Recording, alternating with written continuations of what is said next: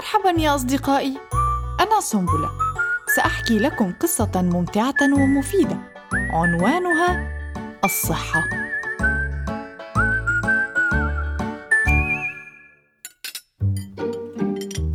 أنهينا طعام الغداء؟ وإذ بسلة الفاكهة توضع وسط الطاولة. سلة رائعة. فيها ألوان مزركشة نسقت بشكل رائع. أردت أن أتناول حبة فاكهة لكنني لم أستطع فقد أصبت بتخمة من كثرة الأكل. حاولت أن آكل حبة تفاح لتساعدني في عملية الهضم لكن الأمور للأسف ازدادت سوءا.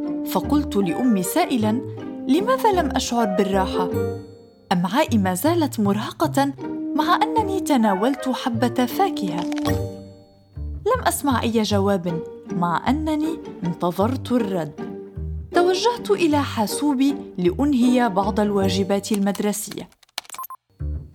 لكنني وجدت نفسي أبحث عن أسباب تخمتي وبينما كنت أقرأ بصمت لفت نظري عنوان جديد الفاكهة قبل الطعام.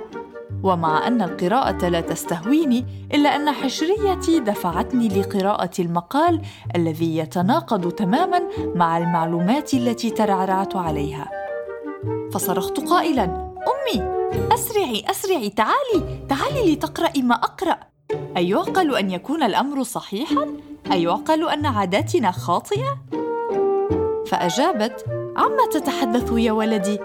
وما هي العادة الخاطئة التي نقلتها إليك؟ فأجبتها عادة تناول الفاكهة بعد الأكل. فقالت ومن قال لك ذلك؟ فأجبت الحاسوب. فأجابت قائلة وهل كل ما تسمعه تصدقه؟ يمكن للحاسوب أن يخطئ.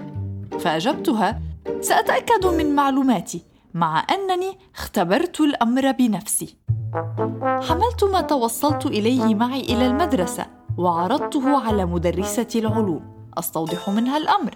وإذ بها تؤكد ما توصلت إليه وتؤكد صحته وتعدد لي المشاكل التي تسببها الفاكهة للجهاز الهضمي إن تناولناها بعد الطعام وما تقدمه من فوائد للجهاز الهضمي إن أكلت قبل الطعام بنصف ساعة.